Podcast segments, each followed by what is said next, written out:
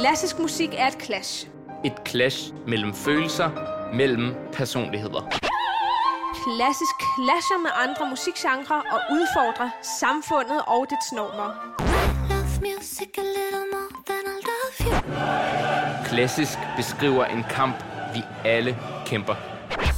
Dine værter, Christine Bernsted, Og Rames Mahana udfordrer hinandens og dine forestillinger om klassisk i programmet Clash. Clash.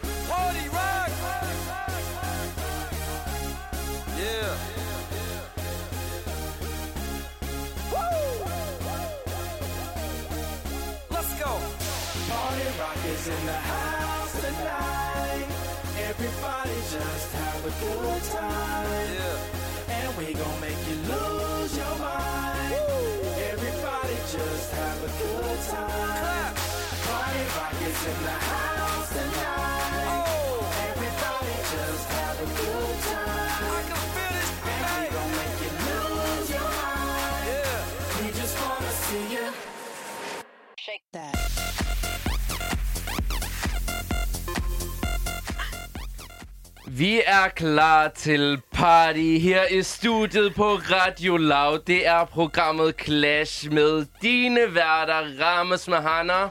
Og Christine Bernsted, vi er endnu en gang klar til at fyre den af og sende den bedste musik ud til jer, kære lyttere. Vi er de to klassiske musiknørder. Jeg er pianist, og Christine, du er violinist. Ja, og vi studerer på det Kongelige Danske Musikkonservatorium i København i solistklassen.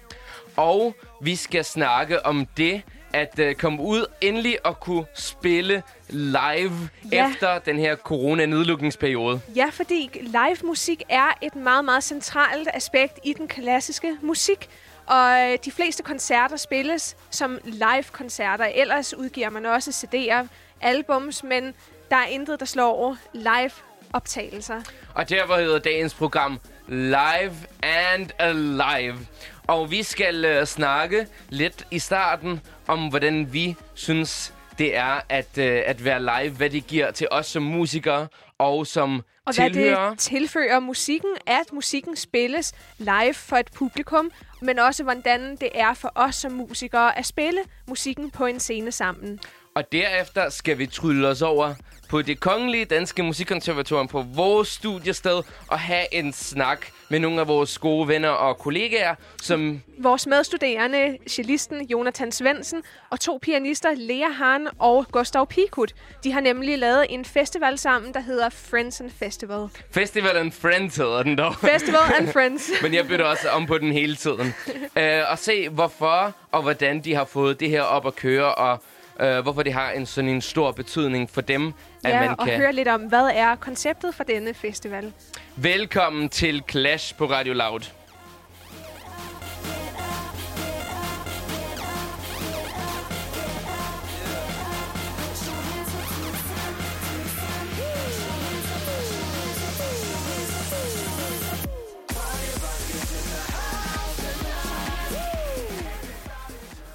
Godt, Rammes. Vi skal til at tale lidt om, hvad er det live musik kan, som båndede koncerter for eksempel ikke kan. Ja, hvad siger du, Christine? Hvad siger du til den? Jeg elsker det øh, nærvær, der er på scenen mellem os musikere, men også med publikum, når det er, man øh, spiller, fremfører koncerter og musik på en scene øh, til en live-koncert. Det giver et helt specielt nærvær, og den følelse, når man står på scenen af, at øh, akustikken øh, er glasklar, man kan nærmest øh, høre en knappenål falde, og at alt... Øh, hvad hedder sådan noget, øh, opmærksomhed er rettet mod musikken. Det er enestående, og jeg tror, det er noget helt unikt for den klassiske musikgenre, hvor publikum virkelig giver sig hen til musikken og lytter med 100% nærvær. Man kan sige, at der er, ligesom, der er to elementer i det. For det første, der er selve salene, ikke? At, at klassisk musik klinger bare bedre ud i en god sal. Det giver sådan en helt speciel klangmæssig effekt. Atmosfære. Helt sikkert. som, som man simpelthen øh, lige meget hvor god optagelse man laver som, øh, som tonemester. Så tilfører det altid øh, en ekstra dimension, når, når det er opført live til en koncert. Og hvis det er en god sal, så er det øh, også altså, super fedt. Fordi der, der, det, ligesom, klangen kommer på en eller anden måde til at, øh, at leve. til live. Ja, præcis, ja en klangen får lov til at leve og bære ud akustisk i en stor koncertsal eller et kirkerum, hvor det ligesom ophøjer musikken og opløfter musikken. Men på den, øh, på den anden side er der også det andet element i det, at øh, der er simpelthen en speciel energi, når der er nogle levende mennesker, der står på den scene, og øh, de sveder og arbejder for at ligesom at udtrykke det her fantastiske musikalske univers Ja, i den musik, de spiller. Det er en helt enestående oplevelse som klassisk musiker at få lov til at spille live musik for et publikum. Det giver et helt øh, særligt nærvær blandt os musikere. Og det er jo sådan til rockkoncerter og den slags, øh, så man, man er jo med på en helt anden måde, hvor der er sådan måske er tusind mennesker, der står og, og headbanger og sådan noget. Til klassiske koncerter, man skal ligesom sidde ned på sin, øh, på sin røv på den stol, og så skal man lytte til det. Ja, men, og så er det jo, at vi vil argumentere for, at til klassiske koncerter, hvor publikum virkelig giver sig hen til musikken, og ligesom venter med at give applausen til musikken er overstået, at det er et helt unikt øh, tilhørsforhold. Øh, forhold.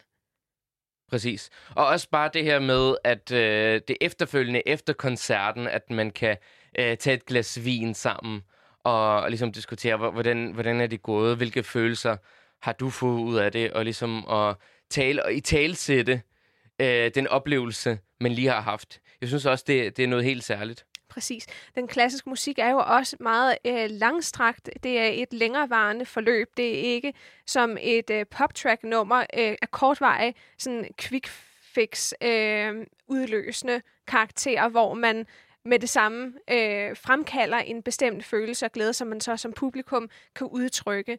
Men den klassiske musik, det er ligesom et langt suspensforløb, som opbygges i løbet af et længerevarende værk på op til 30, 40, 50 minutter.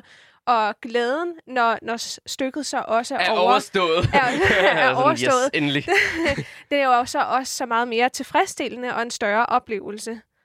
Absolut. Og jeg synes, der er også ligesom, øh, på en eller anden måde noget disciplin ved, at man skal sidde ned i så lang tid og bare ligesom give sig hen til musikken. Helt At, sikkert. at øh, man ligesom på en eller anden måde, man øh, glemmer, glemmer alt det, der er uden for, for koncertsalens døre. Og det, det er lidt noget andet med, med Spotify. Altså selvfølgelig kan man øh, sætte noget musik på øh, i høretelefoner, men, men ligesom det der med, at man kan slukke det, når man har lyst til. Ja. Øh, det, det, det fjerner lidt en del af charmen. Som, ja, ja. helt sikkert. Og som lytter har vi jo hver især haft øh, nogle favoritoplevelser, hvor vi selv har ageret publikum til nogle koncerter. Og når jeg tænker tilbage, så øh, i nyere tid, så er det især en koncert, som hedder Series of Four, som er kreeret af The Danish String Quartet, øh, den danske strygkvartet, øh, som de afholdt. Det var nemlig med en armensk søskende duo på klaver og violin. De hedder Kachaturian, eller Kachaturian, og de spillede en øh, fantastisk violinsonate, Mozarts B-durs violinsonate. Den hedder helt præcis K454. Det betyder blot, at den egentlig er komponeret i en bestemt epoke i Mozarts liv, hvor han boede i Wien og havde stor succes. Og den koncert, den var så fantastisk for mig, fordi det, det var et helt ægte, øh, en helt øh, særlig øh, forbindelse, jeg følte, jeg havde til den musikalske performance, som de leverede. De spiller generelt med utrolig stor integritet og en helt uhørt høj musikalsk dybde, og meget, meget intellektuelt og sådan, øh, med meget fordybelse i musikken. Og jeg kunne huske, at salen på konservatoriet var musestille, og øh, man kunne næsten høre en knappenål falde. Og man følte bare, at de spillede direkte til en, fordi det var så sådan en ægte øh, forbindelse, de, de kreerede mellem musikken og så dem, som medianled, dem, der formidlede musikken til publikum. Ja, det er, jeg, jeg tror, hvis du roser nogen, kære Christine, så må det virkelig have været godt, fordi jeg ved, hvor Det var meget du kan riste. Så Nej, hvis, nej. øh, hvis du siger, øh, Jeg det er var nu godt, ellers så... ganske venlig. Men, øh, men, men det var helt Til tider. unikt. tak for det, Rammes. Nej, det var, øh, det var helt, helt unikt. Og den, det her stykke, vi nu skal høre, det er det, som de fremførte til koncerten. Det er en langsom øh, introduktion, der præger sådan en afklarethed og en, en enkelthed.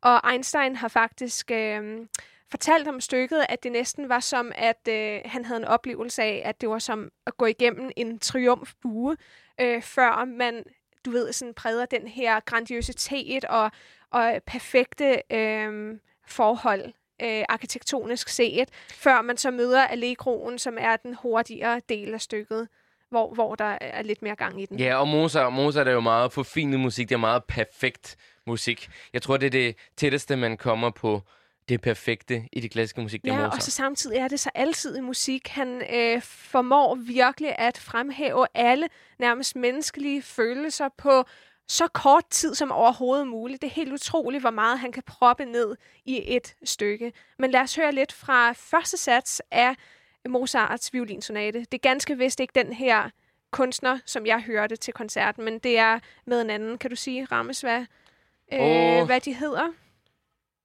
Lad os afspille den først, så kommer Ja. den frem. Det gør vi.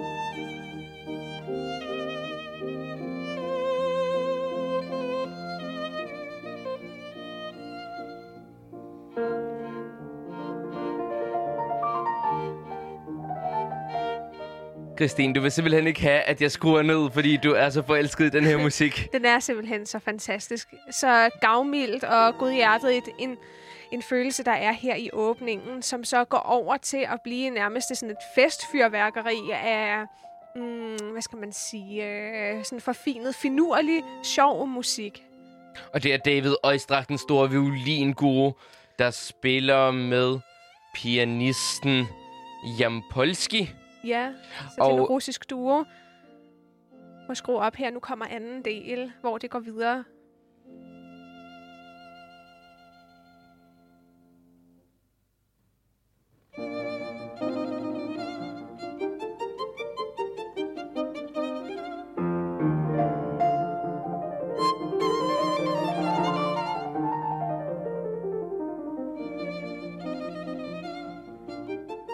Så smukt, så Et fint, virkelig- så perfekt. Er virkelig et fint, Musik. fint stykke, og det er, de spiller det utrolig godt, men Katiturian, søskende parets øh, fremførsel af stykket, det var helt, helt øh, unikt og øh, så dybfølt og medrivende spillet. Man fornemmede virkelig, at de spillede deres sjæl ud til publikum. Og det er måske også, det har været en live-oplevelse. Det er måske også øh, tilføjet lidt til. Absolut, Til din- også fordi din- akustikken i konservatoriets koncertsal er så fantastisk smuk. Øh, så man fornemmede virkelig, hvordan instrumenternes lyd bar ud til øh, bagerste række i publikum. Og det er jo fantastisk ligesom at fornemme det her fællesskab, øh, der er i publikum, når ligesom folk nærmest er bange for at trække vejret, fordi musikken er så øh, intens. Absolut. Og det er den her intensitet, der kan være i sådan en koncertsituation, som er så øh, enestående for den her opførselspraksis, som vi har inden for klassisk musik. Det er virkelig et øh, troværdigt og øh, intimt forhold, man kan skabe til publikum. Det er selvom det er meget, meget abstrakt samtidig. Og vi, vi to skal jo spille den her sonate, og vi skal faktisk her til efteråret allerede spille den Til live. koncert, ja. Til koncert live, og det glæder jeg mig rigtig, rigtig meget til. Ja, og vi skal spille det i en meget, meget smuk, øh, enestående kirkesal på Bornholm i Å Kirke, hvor akustikken også er helt, helt fantastisk. Jeg glæder mig helt vildt meget.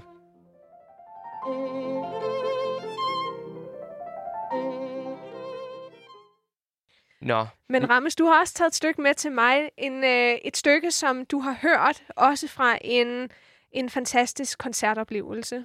det, øh, det har jeg nemlig. øh, det her er måske en af mine allerstørste live-oplevelser som publikum.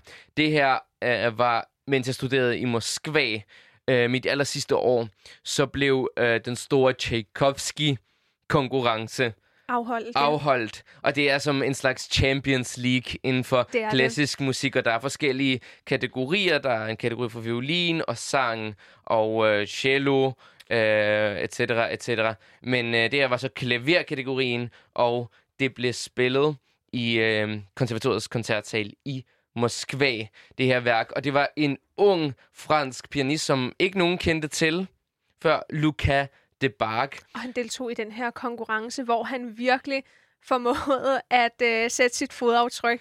Han øh, sparkede virkelig... Øh, Han vandt ikke Nå, konkurrencen, så, nej, men, han, han men, fik han, en er, fjerdeplads, men, men han er den, man husker Ja, fra konkurrencen. det er det. Han absolut. opnåede faktisk større stjernestatus end øh, selve førsteprisvinderen ved konkurrencen. Det siger, der, jeg synes, der er en lille morale i det her, at selvom man vinder en første pris, er ikke nødvendigvis ensbetydende med, at øh, man har den største succes. Jeg tror, at ham, ham som har vundet første præmien, er, er gået lidt i glemmebogen, men Luca de Barg, i hvert fald i, mit, i Jo. min hjerne, han, han har ligesom virkelig sat er jo fordi, aftryk. at førsteprisvinderen, han spillede virkelig teknisk øh, perfekt, var en meget sådan helstøbt kunstner, men Lukas øh, de Barg, han var virkelig, øh, han spillede med så stor musisk, musikalsk integritet og havde publikum og juryen faktisk også i sin hulehånd. Det kan godt være, at han ikke havde, det ved du bedst, øh, ramme som pianist, øh, den samme teknik eller tekniske overskud som førsteprisvinderen, men hans øh, fortolkning af musikken var helt enestående. Virkelig. Og vi skal høre noget russisk musik, og det, det er ret spændende, at en franskmand spiller russisk musik så godt, fordi der er ligesom en fordom om, at det kun er russere, der kan spille russisk musik bedst. Men han fortolkede øh, en sonate af øh, komponisten Nikolaj Mettner så fantastisk, og med sådan en stor dybde, at, øh, at russere kun kan være misundelige nærmest. Og stolte over, at han Og og har virkelig kunne formidle det så flot. stolte. Øhm, og det, det sjove er, at han spiller alting. Jeg, jeg sad lige og lyttede i går faktisk til hele, hele værket. Øh, og han, han spiller meget, en del langsommere end mange øh, andre musikere har indspillet det her værk.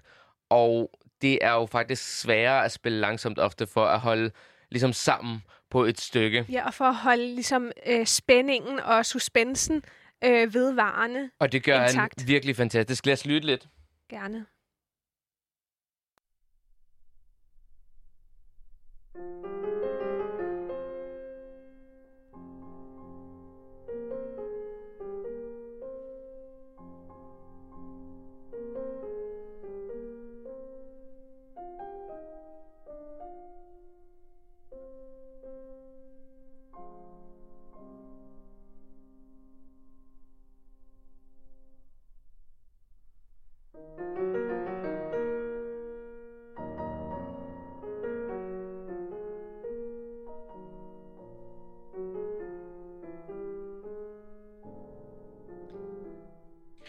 var så heldig at kunne finde en optagelse af Spotify af Luca de Bach, der spiller den her sonate, så han har også indspillet den. Og øhm, Det sjove er faktisk, at øh, hvor du sad i koncertsalen, hvor koncerten, konkurrencen fandt sted, der sad jeg hjemme i København og streamede live og fulgte faktisk med, imens han spillede det her værk. Og jeg husker det også som noget helt, helt særligt. Øh, og hvis man ruller ned over Spotify og lytter til det her stykke med forskellige kunstnere, så kan man bare med det samme høre, hvor anderledes et, et take han har på det her værk. det var en helt vild oplevelse. Øh, det her var i anden runde, han spillede det. Der, var, der er fire runder i alt i øh, den klaverkonkurrence. Og efter han spillede anden runde, han var den sidste på dagen, der spillede, og hele salen blev ved med at klappe. Og han gik ud, og han øh, nægtede at komme tilbage for at bukke anden gang. Men hele salen, inklusive mig, stod op og øh, klappede simpelthen indtil øh, de blev nødt til at slukke for lyset i salen, så ligesom for at indikere, at nu skal folk ud. Nu det, nu det, nu det nok.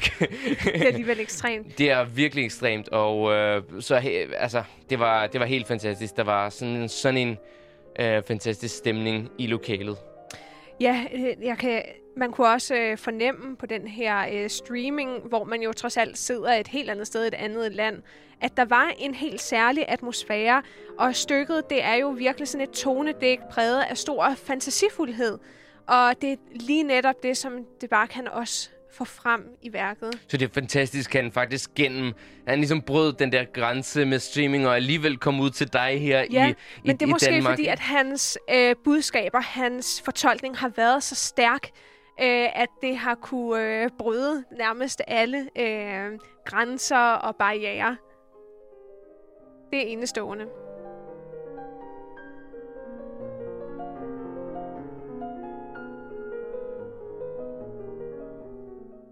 Så kan du kun forestille dig, hvordan det må have været at, at høre det live. Ja, Ikke? det har været en, øh, en fantastisk oplevelse. Du lytter til programmet Clash. Christine Bernsted, Ramas Mahana, de to musikalske nørder, som får den klassiske musik ud til dig. Og i dag er det Live and Alive. hvor vi taler lidt om fællesskabsfølelsen mellem os musikere, der spiller live til en koncert, men så sandelig også den fællesskabsfølelse, man kan have med publikum som musiker. Og jeg synes, vi øh, inden vi skal over på det Kongelige Danske Musikkonservatorium, synes jeg lige, vi skal lytte lidt til en fantastisk oplevelse, vi to har haft sammen på scenen, Christine. Ja, det er nemlig, da vi spillede øh, Beethovens trippelkoncert til en stor øh, koncert, og det var en, ja, helt...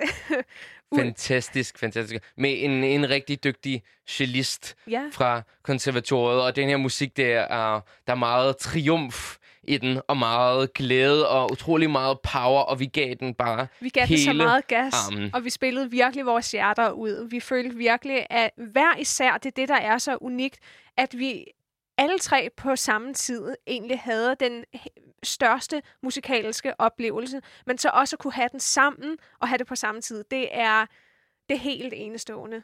Og man kan sige, det har, det har hjulpet os meget med at bonde os. Absolut. Ja, Nu undskyld, bonde. Nå, nu taler jeg radios på bonde. Bonde. Det har virkelig ja. øh, os, jeg tror, på en eller anden måde gjort os endnu bedre venner. Ja, helt sikkert. Det har ført os sammen på en anden måde. Vi skal lytte lidt nu til tredje satsen, som er det her mundre, livlige, øh, ja, den livlige sats, eller den livlige del, kan man også sige, af den her trippelkoncert, hvor violin, cello og klaver har en hver en lige stor betydning for stykket. Vi er alle tre solister på samme tid, men vi er også kammermusikere, der spiller sammen og som tjener musikken. Det er noget helt fantastisk og noget meget unikt i den klassiske musik. Den her konstellation mellem tre musikere og et symfoniorkester. Men lad os lytte lidt. Lad os lytte.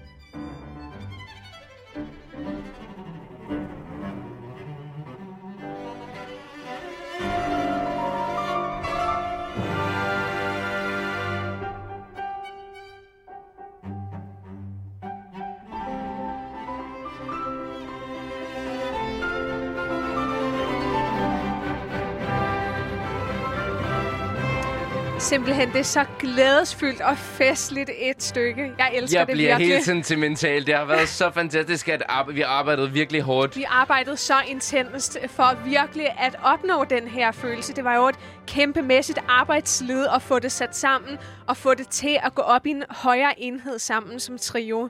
Hvor vi alle tre skulle pike på det rigtige øjeblik, i det rigtige sekund sammen.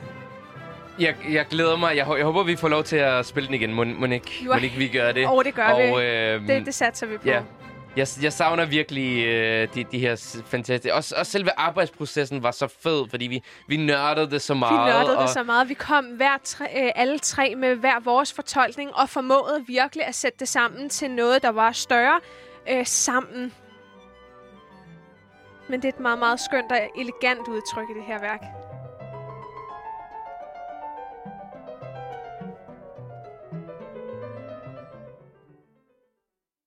Og jeg tror, det er tid nu til at øh, besøge vores venner, studiekammerater og kollegaer på konservatoriet. Ja, hvor vi skal over og tale om deres nye festival og den fællesskabsfølelse, som de ønsker, øh, ligesom os, at øh, frembringe sammen på scenen, men også med publikum.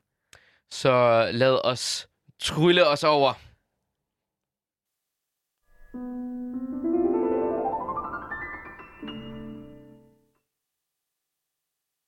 Du lytter til Clash med Christina Rammes, programmet, der får dig til at slå ørerne op for al den fantastiske, dejlige, klassiske musik. Og øh, vi sidder nu på det kongelige danske musikkonservatorium, vores studiested, Christine, og vi er sammen med tre af vores gode venner og kollegaer, to pianister og en fantastisk cellist. Uh, der er Gustav Pikut, 25 år, du er lige blevet 25 for ikke så længe siden. Uh, på klaver, Lea Hahn, Øh, du er 24, nej, det, jeg, må ikke, jeg må ikke sige noget. Øh, også pianist, og du er cellisten i gruppen. Den eneste ikke-pianist her. Um, og vi skal snakke lidt om øh, det her med live musik. Og vi er lige kommet ud af den her coronakrise, hvor der er rigtig mange musikere, som fik aflyst eller øh, forskudt deres koncerter. Og øh, så jer tre fantastiske mennesker her er kommet op med den idé at lave en festival, som hedder Festival and Friends. Så det er sådan en lille spire efter corona med rigtig live musik.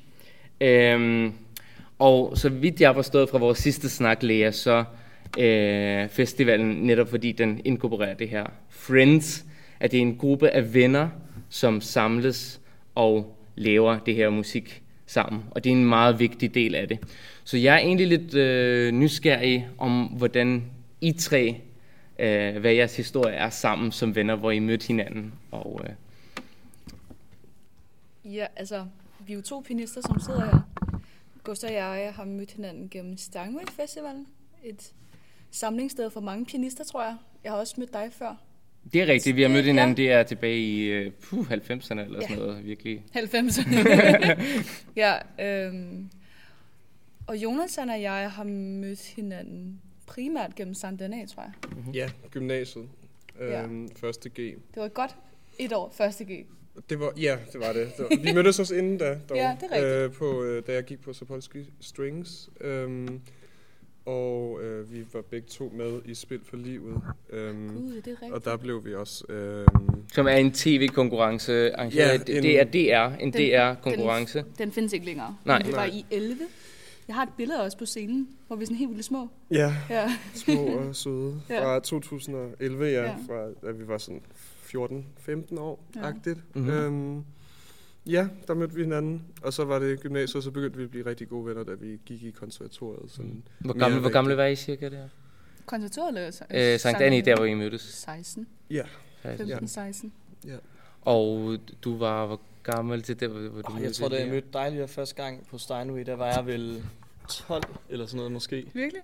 Så, okay. Jeg ved ikke, kan ikke huske det. Det virker Nej. i hvert fald som om, at det er enormt lang tid Men siden. det er også fordi, det er der flere gange. Det har været et andet år, ja, så, man ved så vi har sådan det set står. hinanden jævnligt, ikke? Uden at, altså så ser man hinanden sådan en gang om året. Mm. Mm. Så er vi så langsomt blevet mere og mere venner, men det er jo sådan inden for klassisk musik. Altså det er et ret lille miljø, og man lærer de fleste at kende på et eller andet Mm. tidspunkt. Og så er der jo bare nogen, man klikker rigtig godt med. Og Mhm. det gør vi så, og nu laver vi så det her. Så Mm. det er jo dejligt. Så kan man sige, at de er blevet venner gennem musikken, eller den anden vej rundt. Jeg tror, vi ville ikke have mødt hinanden, hvis det ikke var for musik. Ja. Det er ikke øh, det er heldigt eller uheldigt. Det er jo ikke alle, der bliver venner, bare fordi man spiller musik sammen. Det kunne sagtens være, det ikke var...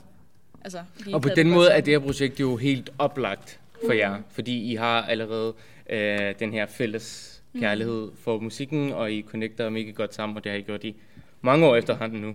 Mm. Øh, og så, ligesom, så er det bare sprunget ud af det på, på en måde. Ja, og øh, altså, jeg mødte for eksempel Gustav overhovedet ikke i sammenhæng med at spille. Det var bare i sammenhæng med, at vi havde sådan fælles venner og sådan nogle ting. Mm. Og så så vi i byen sammen og spiste øh, mad sammen og sådan nogle ting. Så, altså, man kan sagtens sige, at øh, øh, hvis det ikke var for, at vi alle sammen spillede musik, så ville vi nok ikke have mødtes. Men det var ikke det, der var hovedfokuset, da vi mødtes. Det var ikke gennem at spille sammen. Så Ja. ja. er det jo også nogle gange, så møder man, så spiller man sammen, man bliver sat sammen i en eller anden kammermusik sammenhæng, og så bliver man venner efter det. Men ved os, der var det lidt omvendt. Vi har faktisk kendt hinanden i rigtig lang tid, før ja. Ja. vi spillede sammen for første gang. Mange år. Øhm, og det var så overraskende fedt. Ja. Rigtig godt. det kunne man jo godt være nervøs for, at man måske var gode venner, men ikke øh, gode venner musikalsk. Mm-hmm. Men øh, jeg føler heldigvis, at vi er begge dele. Så det har givet noget, at, at I har kendt hinanden, og I har været gode venner i jeres spil. Det er svært at sige, synes jeg. Jeg, altså, jeg tror da, at det er en fordel, at man også kender hinanden ret godt, og man også allerede ved, hvordan man kommunikerer med hinanden. Men jeg tror da bestemt ikke, at det er en garanti for, at man spiller godt sammen. Det er det ikke, og det er derfor, det kan være uhyggeligt til Ja. tider, sådan at blive rigtig tæt med nogen og så være sådan, vi burde spille sammen, ja, helt sikkert. Og så, Men betyder det, hvis man, hvis, man er, hvis man er gode venner, og man gerne vil have et godt venskab, og så er man ude i en øh, øvelsesituation, hvor øh, man ligesom, hvor du måske Gustav ikke helt tilfreds med Jonathans klang, eller, eller noget, eller noget bestemt. hvordan kan man være det? Øh, Det tror jeg aldrig, jeg, True, det true. tror jeg aldrig, jeg. øh, men rent hypotetisk. øh, er, er man så ikke sødere ved hinanden, hvis man er venner? Tværtimod, synes Ja, jeg. jeg synes, man bare, er jeg, grovere. jeg, synes, man kan, jeg synes, man kan være meget, jeg synes, man kan være meget mere direkte. Ja, Hvis det er er folk, det. man ikke kender, så er, jeg, så er jeg meget mere forsigtig Ja. med, hvad man siger. Men kender hinanden, så kan man godt sige sådan, altså, kan det der ikke bare lige lyde lidt bedre? Eller, Ja, eller sådan ja. et eller andet, ikke? Ja. Øh, Og det synes jeg sådan set er fint. Fordi øh, man ikke... Altså, man kender hinanden, man ved alt er godt, og man jo bare godt vil spille sammen, og Mhm. mm-hmm. er rigtig gode venner. Og det vigtige er også, altså for eksempel så da vi spillede i trio sammen øh, sidste år for første gang med Anna Eholm, der var det også utroligt øh, intenst op til koncerten med øh, Schubert. Men vi havde alle ligesom en stor fællesnævner, hvilket var, at vi alle sammen ville musikken og hinanden det bedste. Mm. Og når man har den grundsten, så kan man godt snakke til hinanden, som, hvor man virkelig er passioneret omkring det, man snakker om, og folk misforstår det for det meste i hvert fald. Men er der ikke, er der ikke nogle gange nogle overensstemmelser? Kan det ske? Bestemt, Ja. ja. jo. Men, Der- men, men så, så finder man ud af det på en måde, og, man, og det, vi respekterer jo også hinanden utroligt meget. Mm. Så når vi, når vi har arbejdet sammen, så er det jo også det er jo slet ikke, fordi man ikke kan se hinandens pointer, og så prøver man ligesom at nå frem til noget, som man begge to kan stå indenfor. Og det er også det, der gør det meget mere spændende, fordi man lærer så meget af hinanden, og lærer andre måder at, at se musikken på. Hvordan opstod ideen så til decideret at lave en festival? Det er Lea, der skal svare på den, tror jeg. Fordi at gennem en festival, der kan man spille rigtig meget musik, og man kan involvere rigtig mange mennesker, og man har rigtig stor kunstnerisk og praktisk frihed, når man laver i det format. Og det opstod faktisk, fordi vi var i sommerhus sammen med nogle af vores andre venner, som også går her på konservatoriet. Og fordi Jonathan og jeg havde lavet nogle små koncerter sammen, og så tænkte vi, at vi gerne vil lave det lidt mere.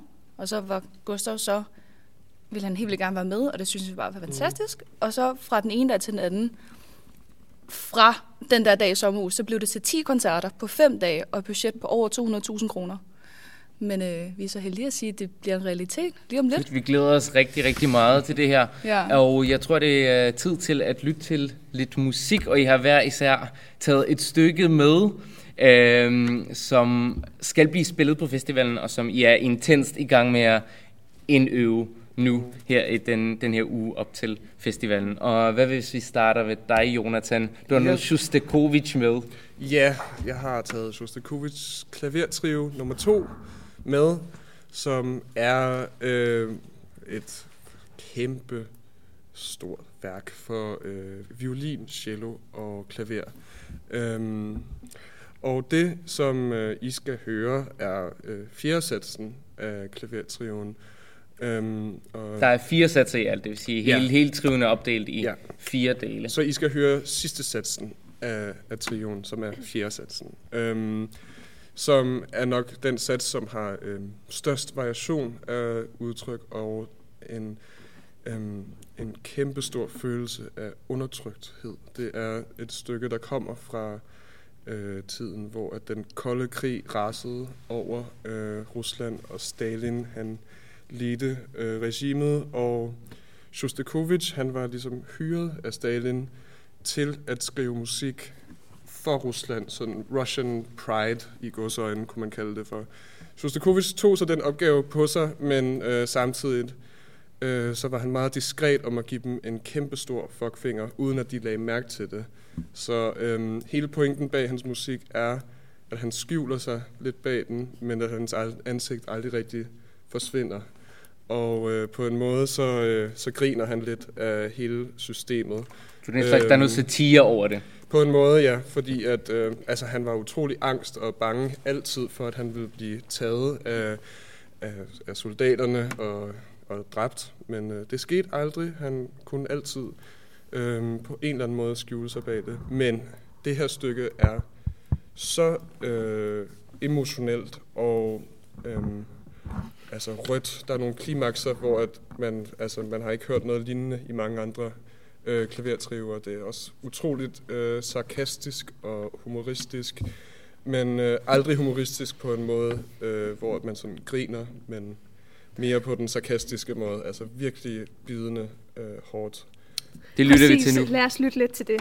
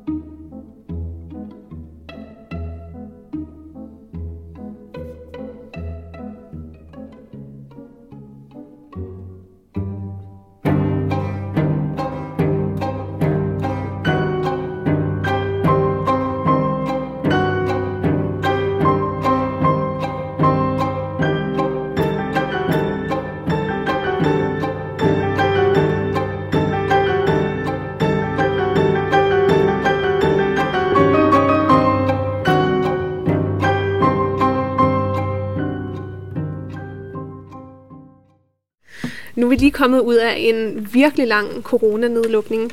Så hvad er det, øh, live-musikken især kan for jer?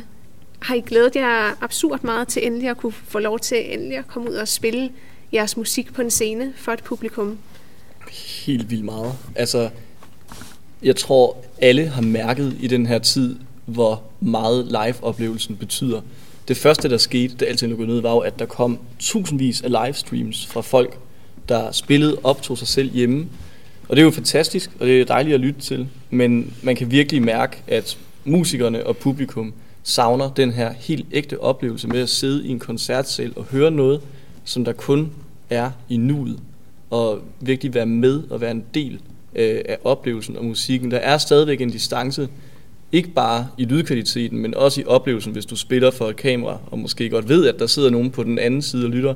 Men den her energi, som der kan være mellem musikerne og publikum, øh, den der sådan lidt ubeskrivelige stemning, eller den berømte, berømte knappenål, der kan falde til jorden, den har man virkelig savnet. Øh, og jeg tror, jeg Så der er sådan et eller andet psykologisk øh, ved at netop sidde i en koncertsal og Noget- lytte ja, til nogle musikere, ja. som øh, ligesom... Noget emotionelt i hvert Ja. fald også, ikke? Altså noget, noget, man ikke bare kan få igennem digitale medier, og det tror jeg virkelig, altså den her tid har bekræftet, på trods af alt det, man kan gøre, øh, og, og rigtig meget, der kan laves digitalt, så folk har brug for den her kontakt mellem hinanden, og musik mm-hmm. er en af de stærkeste kontakter mellem folk overhovedet. Ja. Jeg, jeg tænkte, da du stillede spørgsmålet, at det for mig handler rigtig meget om kommunikation.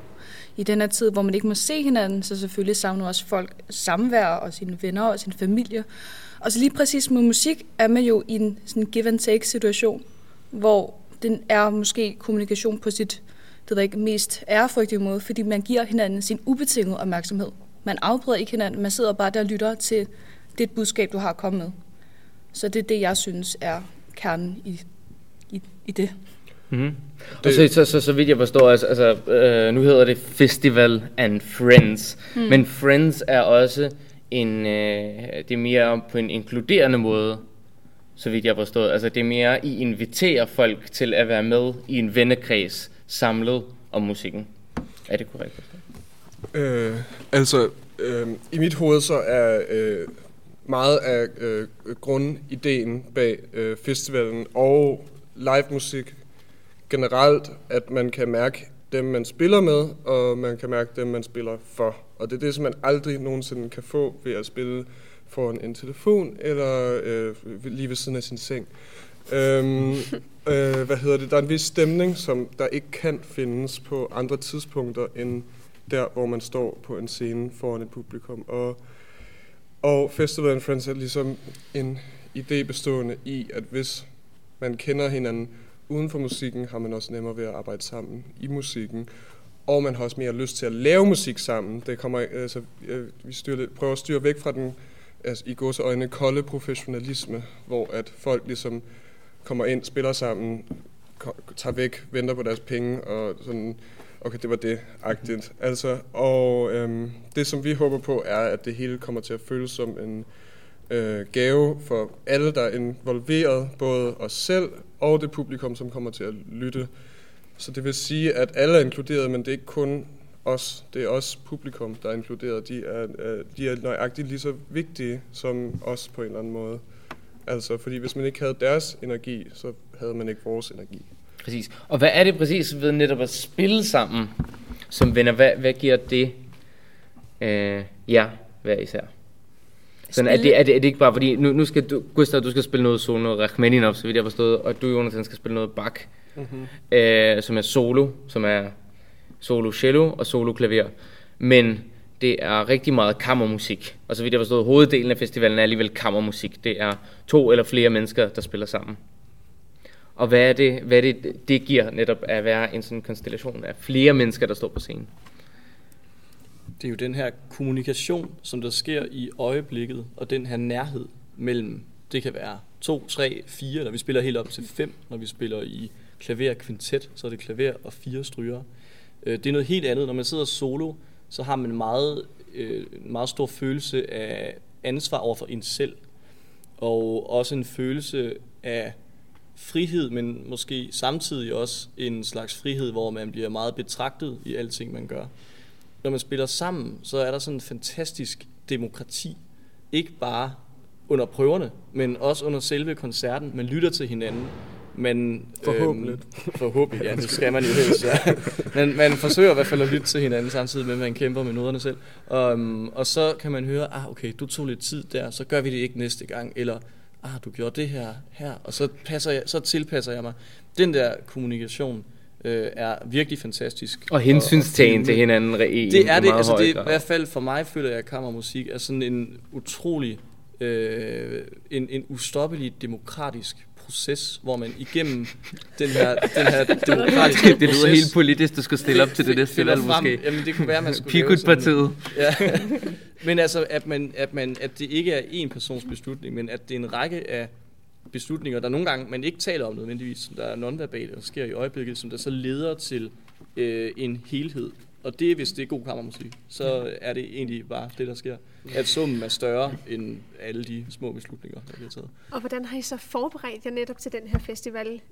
Landet har jo været ligget helt ned i lang, lang tid, og I har ikke haft mulighed for i lang tid at øve jer sammen. Og det er jo ikke så lang tid siden, at festivalen opstod. Nej, det, festivalen, ideen om festivalen Ja. opstod i Okay. mm, starten af maj. Okay, så der været rimelig meget stress på. Ja, altså pludselig, at, det er ligesom Pandoras boks, jo mere man laver flu, så kommer der bare mere og mere. Men øh, faktisk i dag, mandag den 6., det er vores første prøvedag, så vi har en uge før vi begynder her på lørdag. Så man kan sige, at øh, folk har haft mulighed for at øve selv, og så sætter vi det sammen nu her, og håber på det Noget, bedste. noget for mig, øh, som jeg synes er spændende i forhold til det her, fordi jeg synes, klassisk musik er utrolig en meget intim og personlig ting. Og når man går til en klassisk koncert, så er det ligesom, det er dit hjerte, musikken taler til. Det, man er ikke, hvis, hvis man er til en eller anden techno-koncert eller til en rock-koncert, så står man ligesom, så er det virkelig fællesskabet, så, så står man alle sammen og, og hopper til noget. Men øh, klassisk er noget, noget meget individuelt. Og så samtidig er der det her fællesskab. Okay. Mm. Måske kan man tænke det som, altså alle oplevelser er jo vel subjektive, men måske, som du selv siger, særligt i klassisk. Jeg håber lidt på, så man kan finde fællesskab i den forskellige oplevelse, man har haft, at det er det, man kan samles om. Så man kan ikke benægte, at klassisk musik er kompliceret. Det er jo ikke alle, der har samme forståelse for det. Jeg tænker på det publikum, som kommer og lytter. Men det skal ikke stoppe nogen for ikke at turde komme, eller føle sig udenfor, ikke at have noget at sige. Men jeg håber netop, at forskellighederne kan bringe folk sammen. Den klassiske musik skal væk fra det der royale fornemmelse, som der er over det. Det bliver helt Fordi, politisk her. Nå, men det er det bare ikke. Altså fra, det har gået så lang tid tilbage, at, at det altid var eliten i gåsøjne igen, der tog hen og hørte klassiske koncerter. Og sådan er det slet ikke. Altså hvis, det, altså, hvis der er en klang, der rammer en i kroppen, så kan man ikke gøre andet end at reagere på det. Og det synes jeg, at der er mange folk, som ikke har nogen som helst øhm, interaktion med at spille selv, øhm, som har fået sindssygt meget ud af i mine oplevelser. Og de bedste ting, øh, de bedste oplevelser, jeg har haft, er at øh, spille for, øh, for, for eksempel for børn, som, som lytter med de mest åbne ører, som nogle gange kan sidde sådan og være restløs til at begynde med, men så efter være helt op og køre over det. Øhm, og endnu en ting, som jeg kan nævne, er, at det, det fantastiske ved at spille en live-koncert igen er, og målet ved det på en eller anden måde i mit hoved er, at man har øvet sig og snakket sammen og prøvet at finde frem til alle mulige ting. Når man kommer på scenen, er det fantastisk, hvis man næsten kan glemme det hele, og bare lade det være i sin muscle memory og i kroppen, de ting, man har snakket om. Og så lige pludselig sker der noget helt nyt, hvor man med åbne ører kan altså, virkelig øh, tillade sig at blive inspireret og revet med.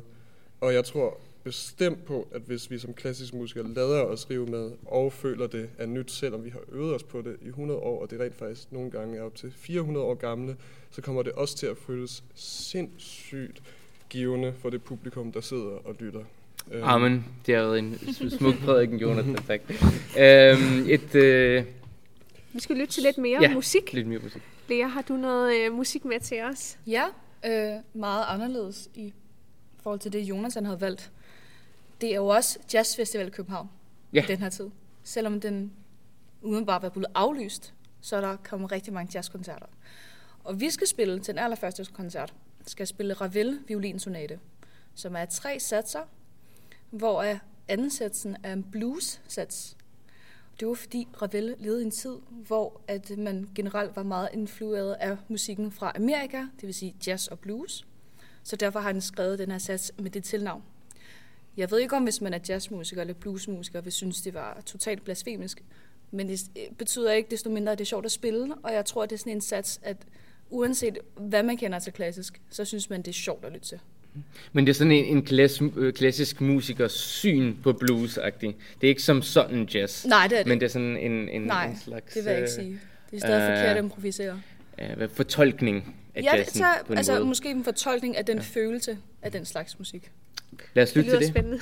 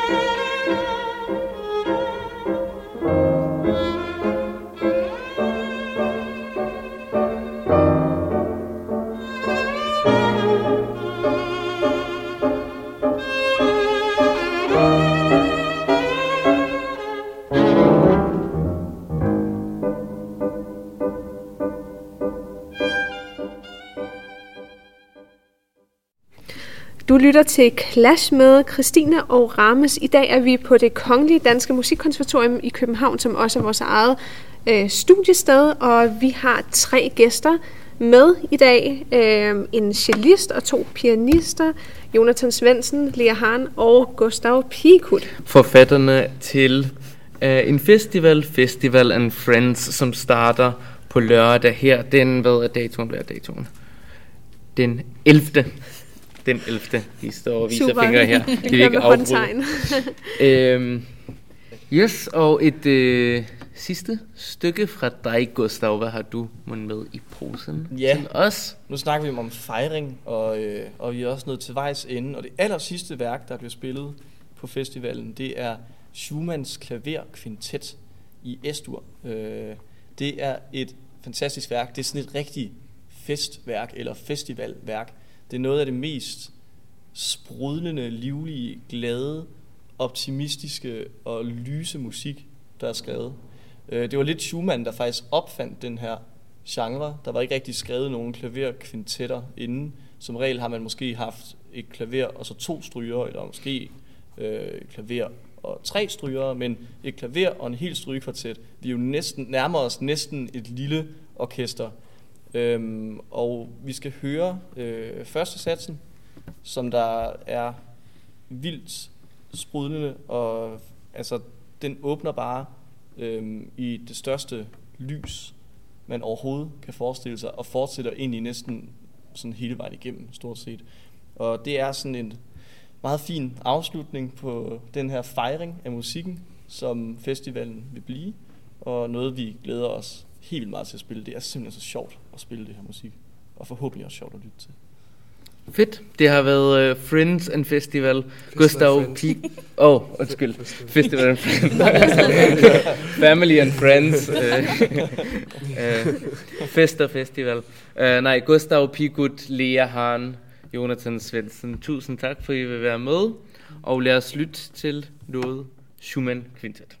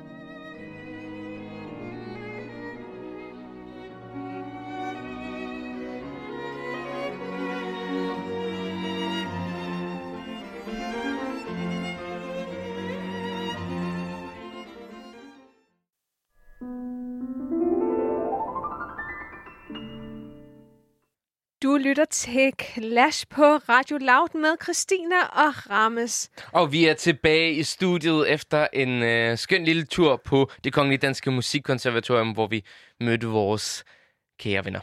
Kære venner og kolleger og studiekammerater, Festival and Friends, det er deres nye festival, og øh, vi kan jo ikke genkende til alt det, som vi har hørt dem sige.